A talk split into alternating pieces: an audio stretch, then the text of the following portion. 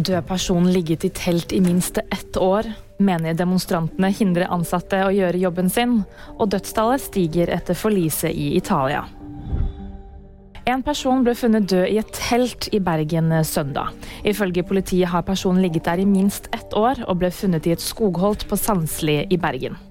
Identiteten til vedkommende er foreløpig ukjent, og politiet har ikke mistanke om at det har skjedd noe kriminelt. Fosen-demonstrantene hindrer ansatte i departementene i å gjøre jobben sin. Det sier Departementenes sikkerhets- og serviceorganisasjon, som er i dialog med Oslo-politiet. Natur og Ungdom og Norske Samers Riksforbund Norat krever at de 150 omstridte vindturbinene på Fosen blir revet, etter at Høyesterett konkluderte med at de er ulovlige.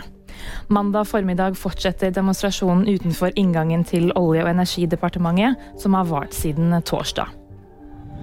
Dødstallet stiger etter forliset i Italia. Tallet på døde har steget til 61 etter at en båt med migranter forliser utenfor kysten av Sør-Italia søndag. Det opplyser italienske myndigheter. Blant de døde er en baby og elleve andre barn, ifølge nyhetsbyrået AGI. Overlevende sier til Reuters at det var mellom 180 og 200 mennesker om bord i båten. VG-nyhetene fikk du av meg, Anna Julie Bergesen.